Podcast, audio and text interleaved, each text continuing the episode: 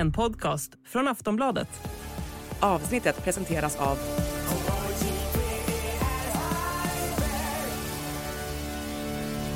Stödlinjen.se, åldersgräns 18 år.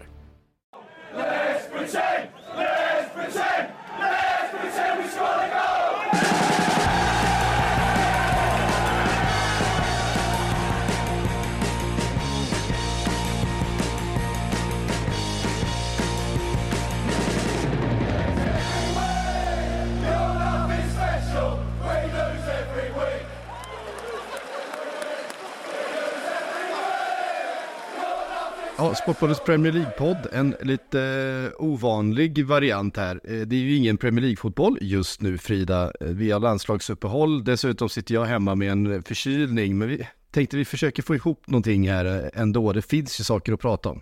Ja, det händer ju så mycket hela tiden tycker jag, på alla Mm. fronter. Verkligen.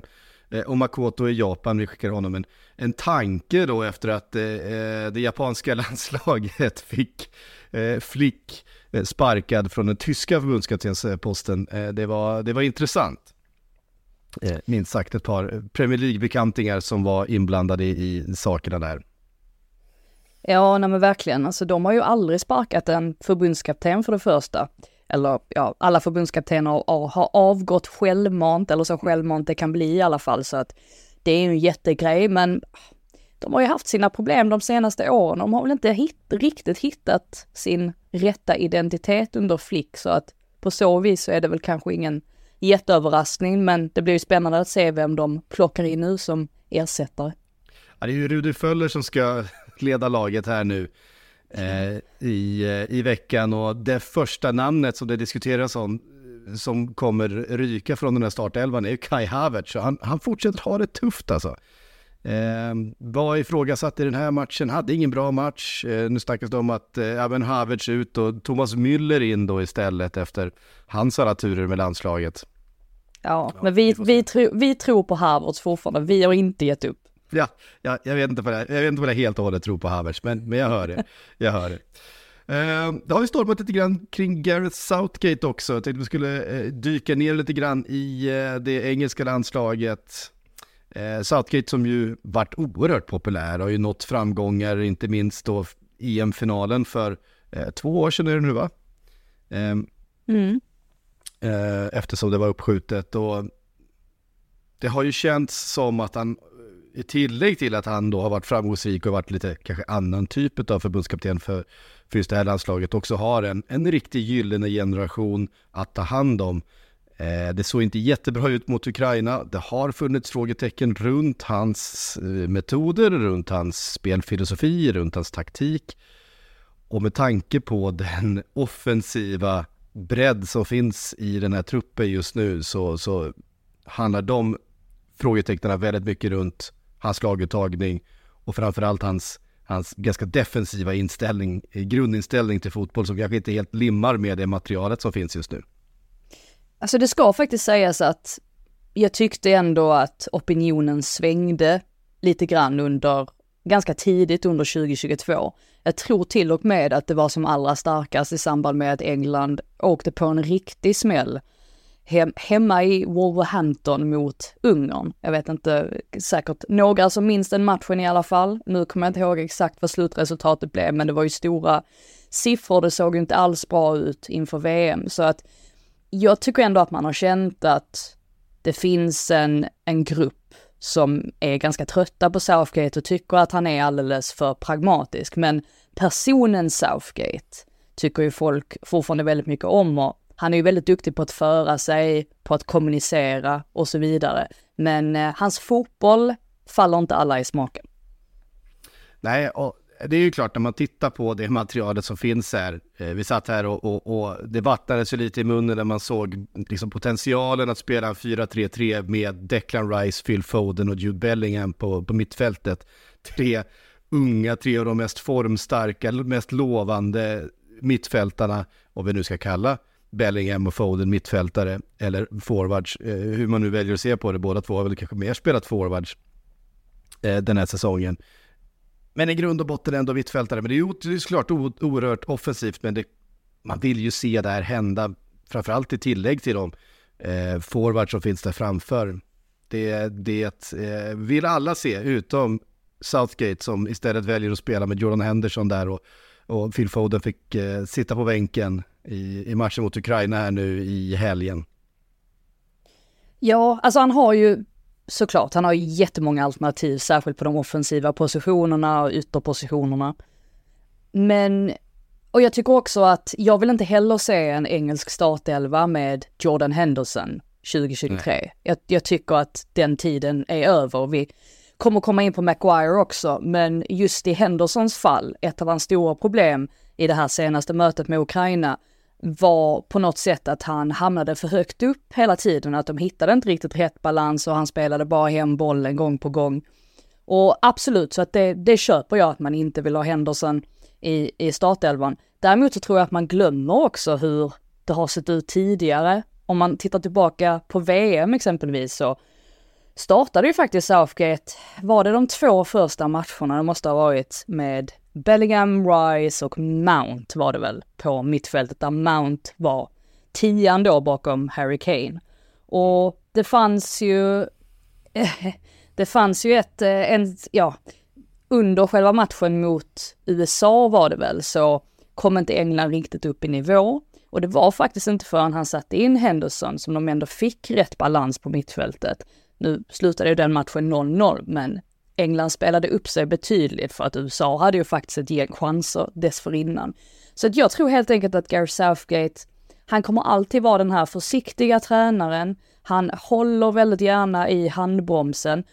Och sen tror jag också att han har svårt att integrera alla de här spelarna, att han kanske inte riktigt räcker till rent taktiskt eller ja, kunskapsmässigt för att veta var, vart han ska göra av alla de här spelarna. Och, och det är ett problem. Jag skulle nästan vilja säga att han, för nu har ni Steve Holland som assisterande tränare. Och no offense till Holland och jag är säker på att Southgate har jättemånga eh, mentorer och rådgivare och sådär. Men det hade behövt någonting nytt och fräscht tror jag. För att mm. England verkligen ska ta tillvara på den här generationen. Men hur många gånger har vi inte sagt det genom åren? Att England måste ta tillvara på sin gyllene generation med ja, det är väl så känslorna är just nu. Ja, men det här är ju, det här är väl faktiskt, om vi går tillbaka, det tror vi får gå tillbaka nästan ja, 15-20 år till den förra gyllene generationen då, där de hade ja, med Lampard och Gerard och Rooney och Scholes och eh, hela det där gänget. Eh, för att hitta någonting motsvarande. Ändå känns den här upplagen av det, det engelska landslaget som ännu mer spännande. För det, det är också lite yngre, om vi, om vi bortser från Harry Kane då som är given i den här startelvan, så har vi ju Bukayo Saka. Eh, James Madison är väl visserligen 26-27 någonting, men han är ju inte lastgammal. Eh, och det finns så mycket, mycket ungt och, och spännande som du skulle kunna nästan bygga en startelva om vi bortser lite grann från, från mittbackar då med spelare under 25 eh, som alla är uppe och spelar på den högsta nivån i Europa idag och det, det är ganska få eh, lag i världen som, som kan ställa upp det om man ska vara riktigt ärlig. Ja, det blir ju ännu mer påtagligt när man tittar på då Tyskland eller ja, Italien och deras startelvor så känner man ju att ja, alltså England har ju verkligen en bra, en bra kull. De har så himla mycket att ta av. Bara deras ytterbackar, med tanke på alla problem Sverige har så känner man ju nästan, kan inte vi få deras sjätte alternativ för att det hade, hade nog varit bättre än, än det vi, vi har att tillgå. Men ja. Kent Sema var kanon dock. Ja, för, för, så himla, jag blir så himla glad av att se det. Om mm. det är någon spelare som man unnar allt i världen ja, så är det Ken Sema. Otroligt, uh, otrolig människa, väldigt, väldigt härlig.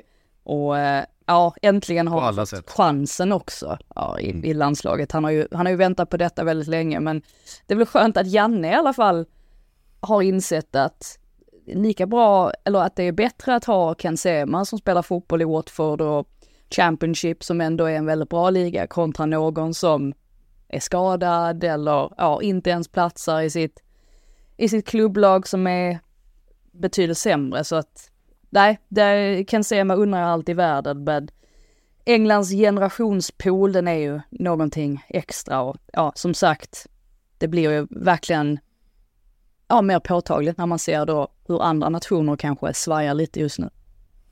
Eh, ja, men det är ju så. Och jag, jag, jag, jag har tjatat om de här spelarna eh, så länge. Jag, ser, jag, jag känner ju personligen att det är liksom ett brott mot, mot fotbollen. Att inte, att inte gå för den här offensiven, att inte ställa upp de här spelarna tillsammans eh, och hitta en modell för att få ut så mycket som möjligt av de här så extremt talangfulla offensiva spelare. Men Jude Bellingham kanske är den här säsongens absolut mest formstarka spelare. Jag menar sättet som han har tagit över Real Madrid, jag menar det är inte vilket lag som helst, det är Real Madrid. Där han nu bara är otvetydigt den största stjärnan, den bästa spelaren, den, den som alla liksom vänder sig till. Han som avgör matcher, han som vinner duell. Alltså, han är, han är deras Rolls Royce liksom. Um, och då tillsammans med Declan Rice och allt vi har satt om honom och sen så Phil Foden som kanske är Manchester Citys bästa spelare den här säsongen. Eh, och som dessutom får, får mer ansvar centralt nu. Han är inte den här ytterforwarden som, som Pep har spelat de, de här senaste åren. Jag vet inte, det känns som att stjärnorna på något, på något sätt står i linje här för att vi ska kunna få det här, det här offensivt kreativa, sprudlande mittfältet som man, man älskar att se. Ja, e- ett av Southgates misstag också i mötet med Ukraina var ju att spela Madison ur position.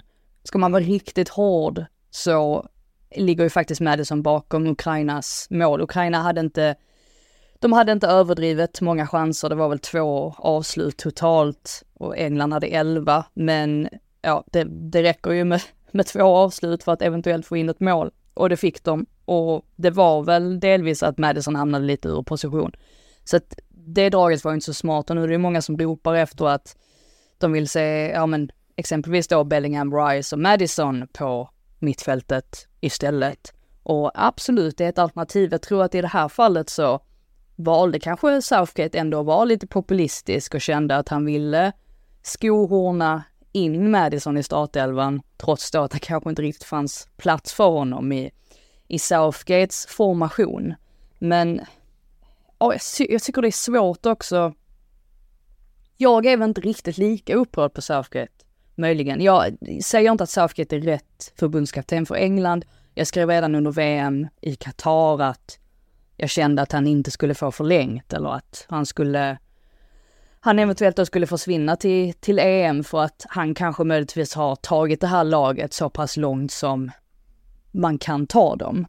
Men å andra sidan så har jag ändå lite sympati för att det inte alltid är, är helt enkelt på landslagsnivå att faktiskt få till det. Och som sagt, vi har ju flera bevis på det att det finns lag, andra lag som inte, inte har, ehm, ja, som inte heller har haft det särskilt, särskilt enkelt. Men å andra sidan så om man återgår då till hur de spelade de första matcherna under VM så visar de ju ändå mot Iran att de, de kan spela lite mer offensivt eller med en liten mer offensiv uppställning. Så att jag tror väl att, eh, eller hoppas att Southgate ändå kommer ta fasta på det och försöka att ja, men hitta en konstellation som fungerar. Att han, att han känner att han har den tiden att, att göra det för att, ja, alltså Henderson som sagt, jag förstår väl att de inte har så många spelare med hans egenskaper, men jag tycker inte att hans egenskaper är tillräckligt bra numera. Det känns inte som de behövs, det är väl bäst det. Det är ju också att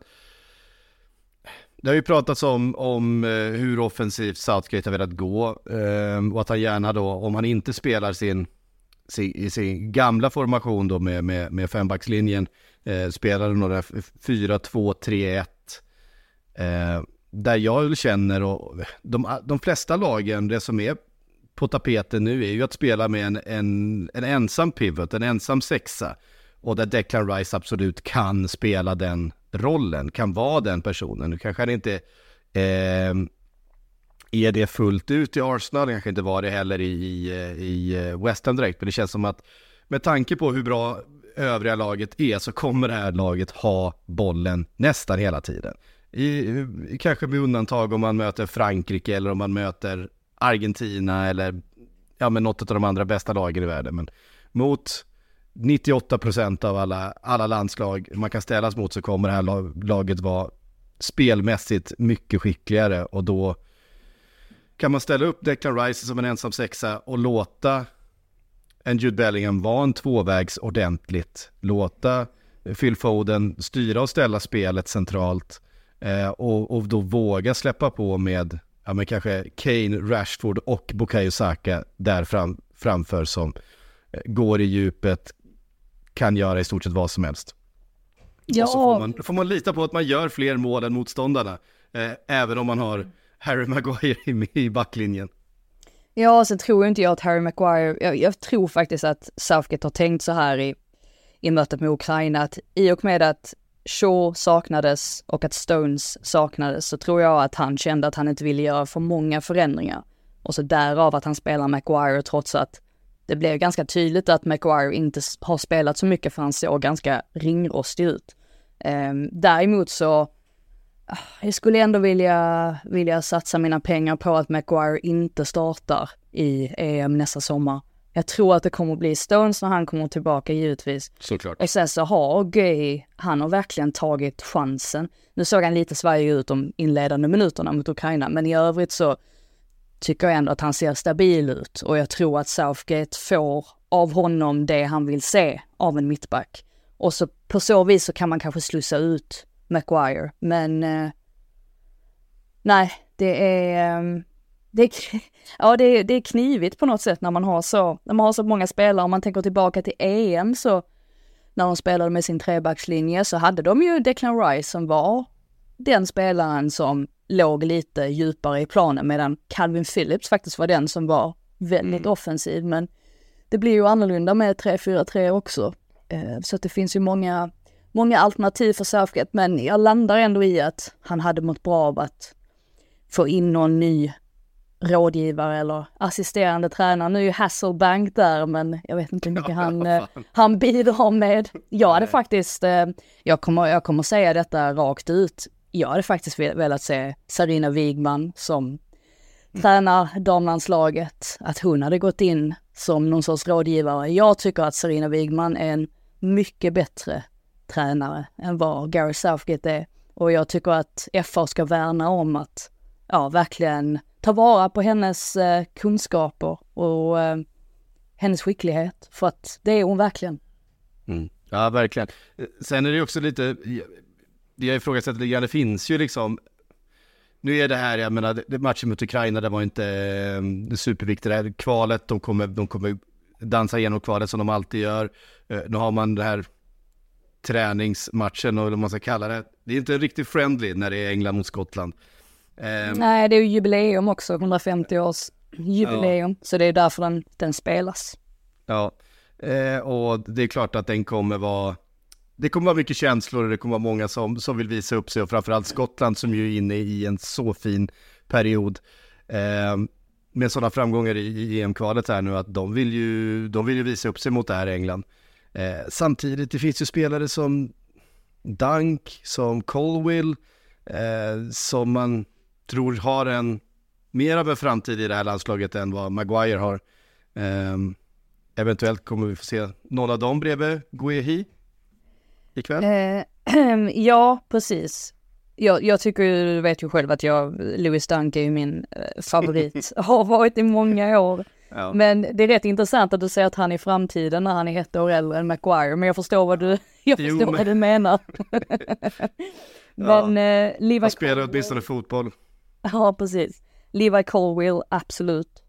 Han, eh, där sitter de ju verkligen på ett guldkorn och det tror jag att eh, Southgate har sett också. Annars hade han inte tagit ut honom. Vi har även Tomori så att... Ja, eh, visst. Nej, det finns en, eh, det, det, finns bra mittbackar också. Southgate ska bara vara lite mer våghalsig och faktiskt våga spela dem. Mm.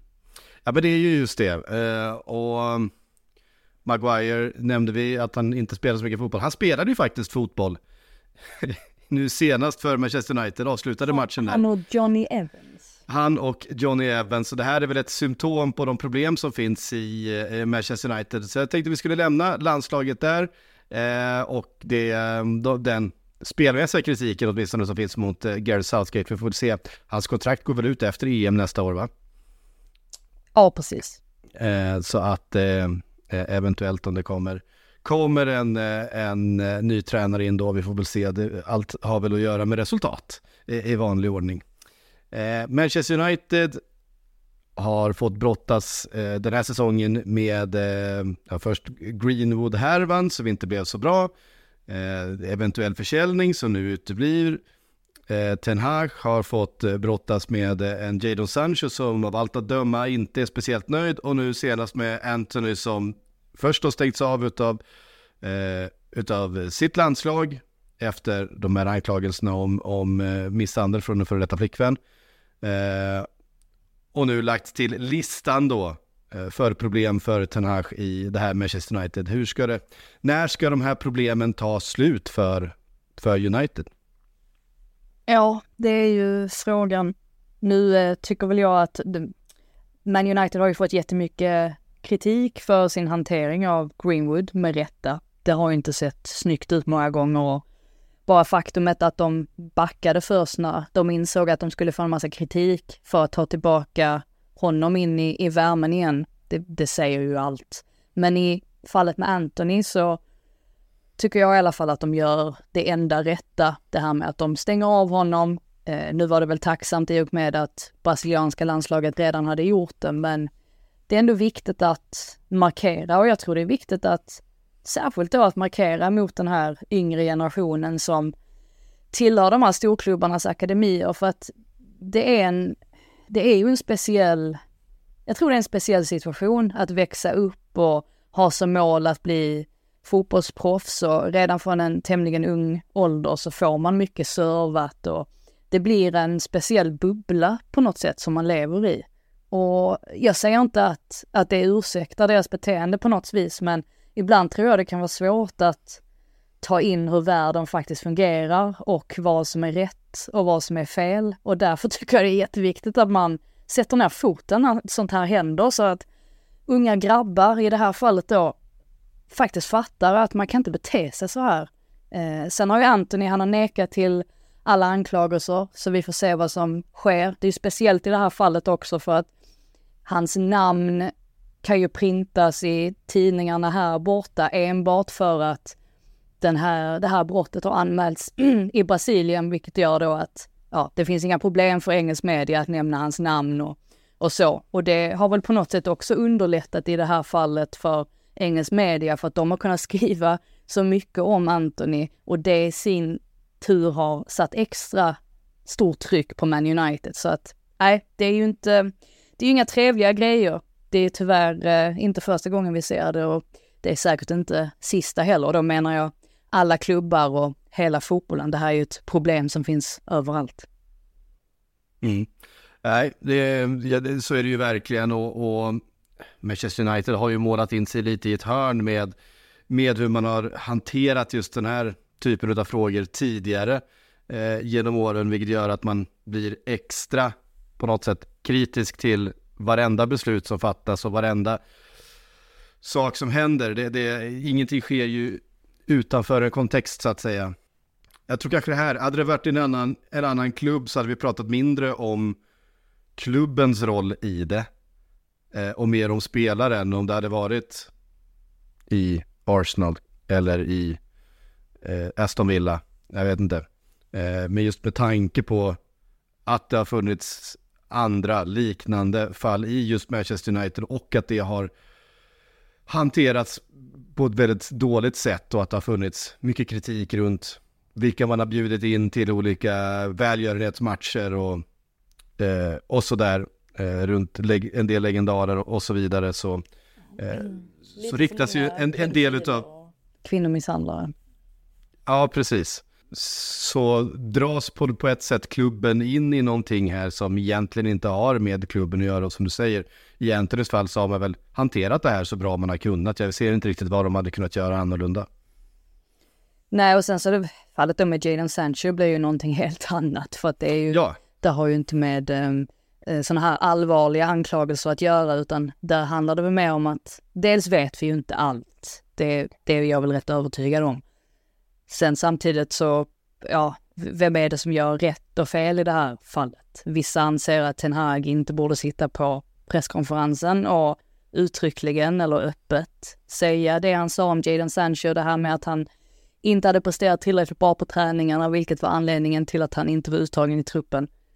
Sen å andra sidan så finns det de som hävdar att, ja men, Jadon Sancho borde inte, varför går unga spelare ut på sociala medier direkt och uttrycker sin eh, kritik eller ja, riktar kritik då så fort de själva får kritik. Och felet med det så att, ja, det blir på något sätt en, eh, jag, jag tycker det är svårt att prata i det när man inte har all information och all fakta om vad det är som egentligen har skett. Men eh, klart är ju i alla fall att Ten Hag, han är inte glad och Jadon Sancho är väl inte heller särskilt nöjd. Men nu när Anton är borta så finns det ytterligare ett dilemma för Ten Hag.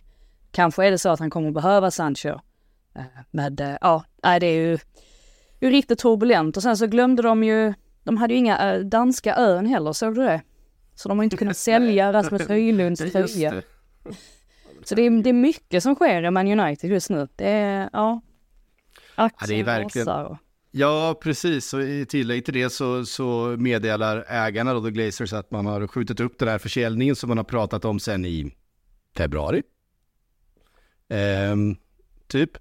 Ehm, till 2024. Man har väl inte varit helt nöjda trots att det har kommit in. Det har ju varit på riktigt en budgivning där Ratcliffe och det här eh, Qatar, eh, nu kommer jag inte ihåg vad han heter, Qatar, Qatar-konsortiet har budat mot varann och drivit upp det här priset till en nivå som var högre än vad det först pratades om.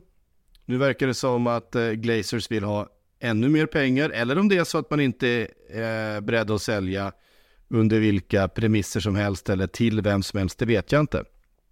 Eh, det verkar lite oklart. Aktien rasade i alla fall vid det här beskedet då om att försäljningen av klubben skjuts upp till 2024. Ja, det är, det är tungt nu tänkte jag säga. Och på det så förlorade de den matchen mot Arsenal så att eh, nej, de, de har en del att, eh, att ta sig igenom nu, Man United. Men det är väl så när man är en storklubb också, man har många ögon riktade på sig från, från början på något sätt. Mm. Jo, eh, såklart det är så. Say hello to a new era of mental health care. Cerebral is here to help you achieve your mental wellness goals with professional therapy and medication management support. 100% online. You'll experience the all new Cerebral Way, an innovative approach to mental wellness designed around you. You'll get a personalized treatment plan from a therapist, prescriber, or both in a safe and judgment free space. Your Cerebral therapist or prescriber will outline a customized plan with clear milestones along the way so you can get to feeling your best. With Cerebral, you're not alone in your mental health journey. We're here to empower you to live a fulfilling life. So take that first step towards a brighter future and sign up today at cerebral.com slash podcast and use code ACasts to get 15% off your first month. Offer only valid on monthly plans. Other exclusions may apply. Offer ends July 31st, 2024. See site for details.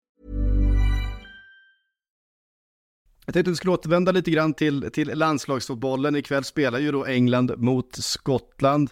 Eh, Skottland som ju verkligen eh, ställer till det i sin EM-kvalgrupp, leder där och är inne i någon slags eh, helt otroligt flyt. Vad, vad tillskriver vi den här, den här form, formtoppen för det skotska laget?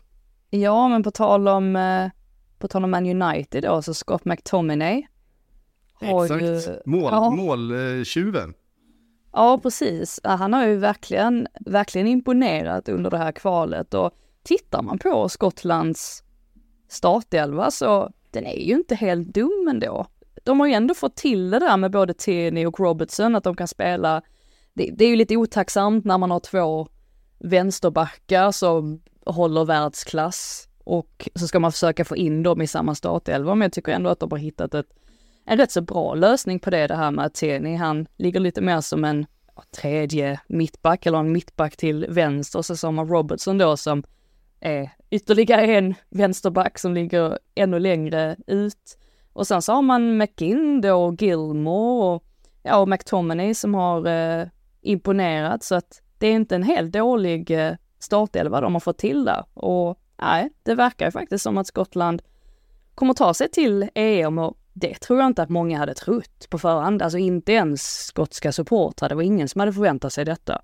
Eh, särskilt inte i en grupp med både Spanien och Norge då som man tänkte sig kanske skulle kunna utmana lite mer än vad de faktiskt har gjort. Och jag tror väl att om Norge, om de missar, ja om de tappar poäng mot Georgien, då är det väl klart, rädd av. Det, det, borde det ju vara. Alltså Skottland då på 15 poäng efter fem spelare och man ska spela eh, åtta matcher. Eh, ja, då finns det ingen möjlighet för, för Norge att hämta ikapp det eller för någon av de andra heller. Så är det faktiskt. Det kan bli en speciell match mot England då, för att även om de säger att de förlorar mot England ikväll, så kan de ju faktiskt ändå ha någonting att fira.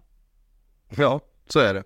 Eh, men det är ju det, det är helt eh, remar remarkabelt eh, kval man gör här med tanke på den gruppen. Alltså vi har ju pratat mycket om Norge och deras gyllene generation eh, med Ödegård och Håland och Sörlott Gubevars, eh, men också fler spelare. Det är ju en, en, finns en bredd i det här laget också. Eh, och så Spanien såklart med, med alla spelare de har. Och så är det Skottland som fullständigt dominerar den här gruppen. ja, det, nej, det var nog ingen som såg det komma. Det så, så mycket kan man säga. Mm. Är, är, makalöst. Eh, om vi tittar eh, runt lite grann på de övriga eh, brittiska lagen så ser det väl sisådär ut va? Ja. Wales lyckades knipa en, en sen seger här i går eller förrgår. Men ligger ju hopplöst efter både, ja i och för sig tre poäng upp till Turkiet, men känns att det ska mycket till för att man ska hämta upp det. Ja, stackars Nordirland med tre poäng i sin grupp. Eh, mm. Kazak efter Kazakstan och Finland, Danmark och Slovenien. Så att det blir nog, eh, ja, den gruppen är ju å andra sidan ett riktigt getingbo med tanke på att det skiljer en poäng då från eh, Slovenien på första plats ner till Kazakstan på, på fjärde plats med Danmark och Finland där i, i mitten och målskillnaden på de tre första där, Slovenien, Danmark och Finland är identisk dessutom. Eh, så att där, där kommer bli några, några dramatiska eh, matcher framöver. Men inget Nordirland i EM, det kan vi hugga fast. Nej, det kommer inte bli. Det, eh, det är ju inte speciellt ofta de, de gör, sätter några avtryck heller om vi ska vara riktigt ärliga. En annan, eh, ett namn som har vi ju pratat om den otroliga offensiva bredden som finns i det engelska landslaget. Man vill eventuellt eh, göra den bredden ännu lite bredare. Eh, vi har ju pratat mycket Evan Ferguson sedan hans eh, fantastiska hattrick här förra helgen. Eh, han har någon slags han är ju irländare, han är ju, har någon slags mamma eller mormor eller någonting med, eh, med engelsk eh, medborgarskap. Och nu börjar ju såklart FA som man brukar göra, där, det finns, när det finns irländska framgångar. Eh, se om det inte finns en möjlighet att, att knyta till sig Evan Ferguson till eh, det engelska eh, fotbollslandslaget. Vad, vad tror du om det? Jag tycker att det här är förjävligt. Alltså det är en sak om det är Declan Rice som är född och uppvuxen i fucking Kingston. Eh, som är så, så engelsk på något sätt som man kan bli. Evan Ferguson är ju född utanför Dublin.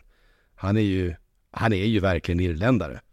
Ja, men, men Southgate sa väl också att nu är det ju för sent. Detta var ju någonting de tittade på innan, alltså för, för ett bra tag sedan. Och han avslöjade ju även att de tittade ju på Erling Haaland också eftersom att Haaland är, ja, han är född i Leeds till skillnad från Evan Ferguson är ju Haaland faktiskt född i England.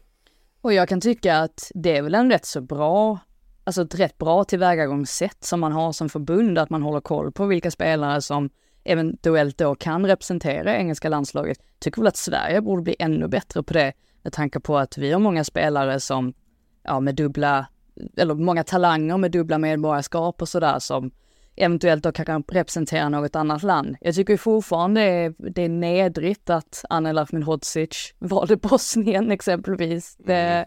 det är en sån spelare som Sverige faktiskt hade behövt. Um, men i, precis som du säger i Fergusons fall, man ska, man ska komma ihåg det att nästan alla engelsmän har någons avlägsen släkting från Irland och tvärtom. Jag menar efter ja. Brexit så sprang ju alla till ja, irländska ambassaden och skulle försöka se om det fanns någon möjlighet att få ett irländskt medborgarskap så att man fortfarande var en del av EU. Ja, det ska ju sägas att det var de personerna som röstade för att de ville stanna i EU. Eh, men det framgår väl. Och Ja. även Ferguson, han är ju ett undantag då i det här att han faktiskt, som du säger, är född i Irland. Och eh, han har väl gjort ganska klart att det inte finns något annat landslag för honom. Eh, men många av de andra exemplen som du tar upp, Rice, och så sa du fucking Kingston. Så jag kan inte säga om min, eh, där bor jag. Han är ju, Ja, men jag menar, det- Rice är ju kung här, han är ett Ja, det är fantastiskt område. Ja, det menar, han är ju från liksom överklass-London. Det är ju så, det är så långt från Irland man kan komma. Nej, inte överklass. Absolut. Jo, Nej, nej, nej. Nej, nej, nej. Han är från Ham dessutom som är en väldigt liten... eh, nej, jag kan inte gå med på att kalla det överklass. Men hur som helst så har det funnits för många exempel i mitt tycke på engelska spelare som har representerat Irland och det där tycker jag är lite så, ah, jag menar, kan inte Irland hitta sina egna spelare? Så jag unnar dem även Ferguson för att de behöver de behöver någon riktig irländare som representerar dem och ja, de har ju fått ett, eh, ja en anfallare här som ser i stort sett komplett ut. Ja, han kan bli en ny Robbie Keane. Ja, Nej, han var ju brutal för Irland. Hur många mål gjorde han egentligen i det irländska landslaget? Ja, för, ja. Det vore, ju, det vore ju det största som kunde hända om de fick en ny, ny Robbie Keane. Däremot så tittar man ju också då på Elliot Anderson, har det också pratats om då, Newcastles 20-åring, eh, mittfältare som eh, har spelat ungdomsfotboll eh, fotboll för eh, Skottland va?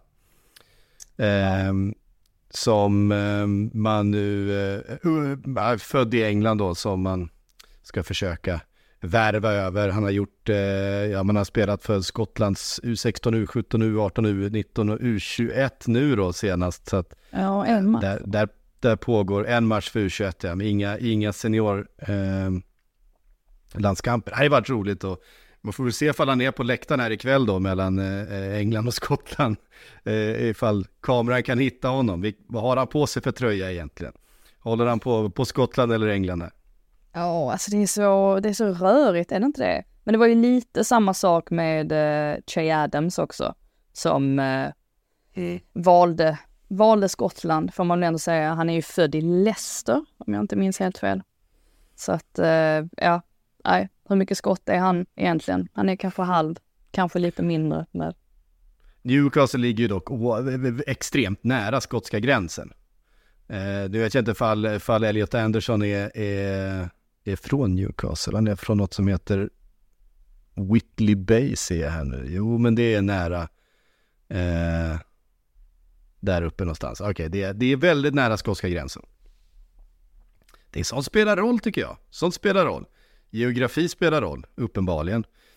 Eh, ehm, eh, vi, eh, ska inte bli för långrandiga, jag måste spara lite på min röst så att jag kan... Eh, Eh, eh, jag, ska, jag, ska, jag, ska, jag ska till ett av de här eh, oljeländerna i helgen faktiskt på semester. Eh, Ja. Norge nämligen. Eh, jag trodde du skulle säga Qatar eller Saudiarabien. Jag blev jätte, jättefascinerad. Okej, ja, Norge. så, så att jag, jag, behöver, jag behöver repa mig här, eh, bli fri från min förkylning innan jag drar Men- på. Men jag har, två, jag har två saker. Mm. Eh, den ena är att jag, jag vet inte om det här är sant, jag tror att det här är sant. Att anledningen till att Karo Mittoma spelar i tröja nummer 22 beror på att han är ett jättestort Taylor Swift-fan. Det, och det verkade kom-. Ja, det verkade komma från en legit källa, men kan inte lyssnare, om, om det är någon där ute som har hört samma sak eller som kan på något sätt bekräfta att det här faktiskt är sant, så eh, vore jag väldigt lycklig för att det här, det, ja, det är ju helt otroligt om det stämmer. Va, va, ja, Karo Mittema, Taylor Swift-fan, ja, eh, vem vet. Men, och sen min andra sak var att det vore ju kul också att höra, nu har vi hållit på här vecka ut och vecka in och, och vi bara maler på. Ehm, och det vore ju kul att höra från ja, men, lyssnare och sådär vad, ja, men vad, vad, vad de vill höra mer av och vad de vill höra mindre om, så, om du förstår vad jag menar. För att ibland blir det ju lätt så att man hamnar i ett hjulspår och så bara fortsätter man att harva där. Och nu, eh, du har ju varit med långt längre än vad jag har varit. Alltså du har ju styrt den här Mina hjulspår är djupare än, djupare än någon annans. Ja men precis. Men eh, nej, det vore kul med lite, ibland behöver man feedback. Bra som dåligt. Eh, Verkligen. Ja. Nej, men det välkomnar vi alltid. Eh, ska vi göra så att vi bara kastar in de frågor då? Vi fick en här från Robert Karlsson eh, innan vi knyter ihop för idag. Eh, han skriver, om kräftgången fortsätter för Chelsea, hur lång tid tar det innan de byter tränare denna gång? Så de kan ju inte göra det igen. Vem ska de, vem ska de då ta in? Är frågan. De tar Måste Potter igen. ju- Cirkeln slut. Och Mm. jag vet inte om, jag tror de flesta har noterat också att Pochettino, han blir ju behandlad på ett annorlunda sätt i, i media generellt och det är väl för att han har mer erfarenhet än vad Potter hade. Och eh, således så är det svårare att ifrågasätta hans fotbollskunskaper eller hans skicklighet som tränare. Men eh, nej, vi får väl se när det börjar morras första gången. Han har jättemånga nya spelare in. Det är, det är svårt att få allting att sitta på plats direkt, men eh, nej, samtidigt så får de ju inte halka, de får inte halka för långt ner heller. Chelsea måste ju börja, de måste ju börja ta Champions League-platser och sådär för att man ska på något sätt få avkastning för alla investeringar man har gjort nu så att det är ju inte som att pressen, det är inte som att det inte finns press på Pochettino, det finns oerhört mycket press. Men eh, han lär väl få mer tid än vad Potter fick, eh, tror jag. Det får man väl anta. Det är ju också så här att de kan inte bygga om truppen en gång till. Alltså nästa sommar. Nu byggde man en helt ny trupp förra sommaren. Det blev inget bra. Slutade på tolfte plats, gick igenom tre olika tränare. Eh, byggde man en, nu har man byggt en helt ny trupp igen. Det kommer man inte kunna göra en tredje sommar i rad. Nej, det känns väl också som att i januari, då kan vi väl möjligtvis börja utvärdera lite mer. Att nu har de så otroligt många spelare med mycket potential, talangfulla. Ja, låt Pochettino få nu fram till efter, efter årsskiftet och då får vi se hur, hur många kliv har han tagit med det här gänget.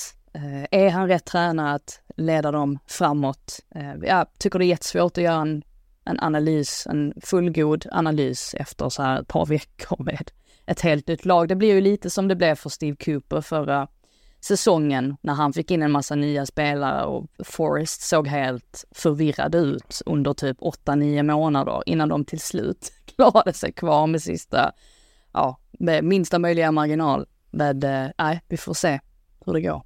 Mm.